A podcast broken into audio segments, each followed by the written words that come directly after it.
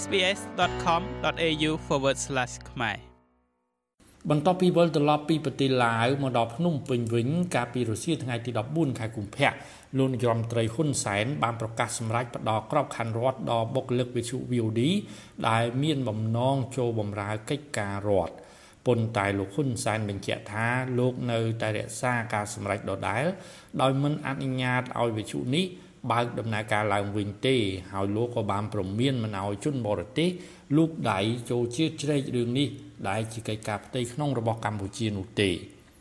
តាម Facebook ផ្លូវការកាលពីរសៀលថ្ងៃទី14ខែកុម្ភៈលោកនាយរដ្ឋមន្ត្រីហ៊ុនសែនបានលើកឡើងថា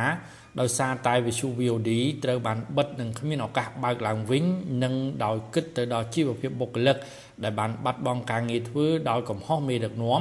លោកបានសម្រេចផ្ដល់ក្របខ័ណ្ឌរដ្ឋសម្រាប់បងប្អូនដែលមានបំណងចូលបម្រើកិច្ចការរដ្ឋលោកហ៊ុនសែនបន្តថាសូមបងប្អូនធ្វើទំនាក់ទំនងជាមួយក្រសួងមុខងារសាធារណៈដើម្បីដាក់ពាក្យសុំធ្វើការ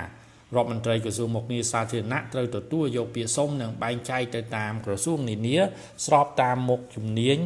និងត្រូវសុំការសម្រេចចុងក្រោយពីរូបលោក ជាមួយគ្នានេះលោកហ៊ុនសែនបញ្ជាក់ថាសុំអ្នកដតីកុំលូកលាន់កិច្ចការផ្ទៃក្នុងរបស់យើងហើយយើងសូមបញ្ជាក់ថានឹងគ្មានការផ្លាស់ប្ដូរការសម្រេចចិត្តរបស់យើងនោះឡើយ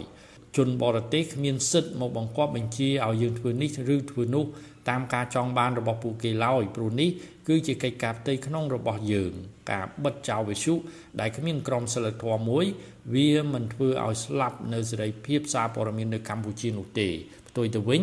លោកហ៊ុនសែនអះអាងថាវានឹងជួយទៅដល់ការអនុវត្តច្បាប់និងពង្រឹងក្រមសីលធម៌វិជ្ជាជីវៈសារព័ត៌មាននៅកម្ពុជាថែមទៀតផង។ ចំណែកក្រសួងការបរទេសកម្ពុជា កាលពីថ្ងៃម្សិលមិញក៏បានចេញសេចក្តីថ្លែងការណ៍ដោយច្រានចោលទាំងស្រុងចំពោះការព្រួយបារម្ភនានាតាក់ទងទៅនឹងការដកហូតអាជ្ញាប័ណ្ណការផ្សាយរបស់មជ្ឈមណ្ឌលកម្ពុជាដើម្បីប្រព័ន្ធផ្សព្វផ្សាយឯករាជ្យ CCIM ដែលជាមជ្ឈមណ្ឌលគ្រប់គ្រងការផ្សាយរបស់វិទ្យុសម្លេងប្រជាធិបតេយ្យ VOD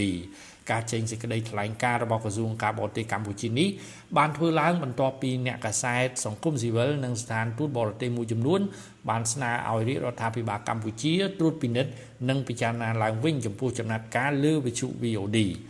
គូបញ្ជាក់ថាក្រសួងព័ត៌មានកាលពីថ្ងៃទី13ខែកុម្ភៈបានសម្រេចលុបអាជ្ញាប័ណ្ណការផ្សាយរបស់មជ្ឈមណ្ឌលកម្ពុជាដើម្បីប្រព័ន្ធផ្សព្វផ្សាយឯករាជ្យ CCIM ដែលជាមជ្ឈមណ្ឌលគ្រប់គ្រងការផ្សាយរបស់វិទ្យុ VOD មូលហេតុត្រូវបានក្រសួងព័ត៌មានបញ្ជាក់ថាអង្គភាពសារព័ត៌មានដែលមានអាយុកាល20ឆ្នាំនៅកម្ពុជានេះបានរំលោភយ៉ាងធ្ងន់ធ្ងរទៅលើវិជ្ជាជីវៈសារព័ត៌មានធ្វើឲ្យប៉ះពាល់ដល់កិត្តិយសនិងកិត្យានុភាពរបស់រាជរដ្ឋាភិបាលកម្ពុជាហើយមិនព្រមធ្វើការកែសម្រួលតាមបទបញ្ញត្តិច្បាប់ស្តីពីរបបសារព័ត៌មាននោះគឺការផ្សាយព័ត៌មានកាលពីថ្ងៃទី9ខែកុម្ភៈអំពីការផ្តល់ជំនួយរបស់រាជរដ្ឋាភិបាលកម្ពុជាចំនួន10,000ដុល្លារសហរដ្ឋអាមេរិក ទៅដល់ប្រទេសទូគីដែលរងគ្រោះដោយសារគ្រោះរញ្ជួយដីជំនួយនោះត្រូវបានវិទ្យុ VOD ផ្សាយដោយយោងតាមសម្ភារអង្គភាពអ្នកនាំពាក្យរាជរដ្ឋាភិបាលកម្ពុជាដែលបានចេញសេចក្តីថ្លែងការណ៍ហើយថាលោកហ៊ុនម៉ាណែតដែលជាកូនប្រុសរបស់លោកហ៊ុនសែនជាអ្នកចុះហត្ថលេខាលើលិខិតផ្ដល់ជំនួយជំនួសឲ្យលោកហ៊ុនសែនដោយសារតែលោកហ៊ុនសែនកំពុងកាន់ទុកព្រោះតែប្អូនថ្លៃស្រីរបស់លោកទទួលមរណភាព។ ក្រោយមកលោកហ៊ុនម៉ាណែតក៏ដូចជាលោកហ៊ុនសែនបានបដិសេធថាលោកហ៊ុនម៉ាណែតមិនបានចុះហត្ថលេខាលើលិខិតផ្ដល់ជំនួយមនុស្សធម៌នោះទេលោកហ៊ុនម៉ាណែតទាមទារឲ្យ VOD បង្ហាញផុសតាងលិខិតដែលថាលោកបានចុះលេខាហើយលោកហ៊ុនសែនក៏បានទុកពេលឲ្យ VOD សុំទោសក្នុងរឿងនេះ នៅថ្ងៃអាទិត្យទី12ខែកុម្ភៈមន្ត្រីជាន់ខ្ពស់ក្រសួងព័ត៌មាន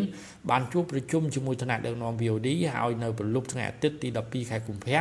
VOD បានចេញលិខិតមួយជូនលោកនាយរដ្ឋមន្ត្រីហ៊ុនសែនដែលមិនត្រូវចិត្តលោកហ៊ុនសែននោះឡើយហើយលោកហ៊ុនសែនក៏បានបញ្ជាឲ្យក្រសួងព័ត៌មានលុបអាជ្ញាប័ណ្ណវិទ្យុ VOD ដោយផ្អាកការផ្សាយត្រឹមម៉ោង10ព្រឹកថ្ងៃច័ន្ទទី13ខែកុម្ភៈ ខ្ញុំម៉េងផល្លា SBS ខ្មែររាយការណ៍ពីរាជធានីភ្នំពេញ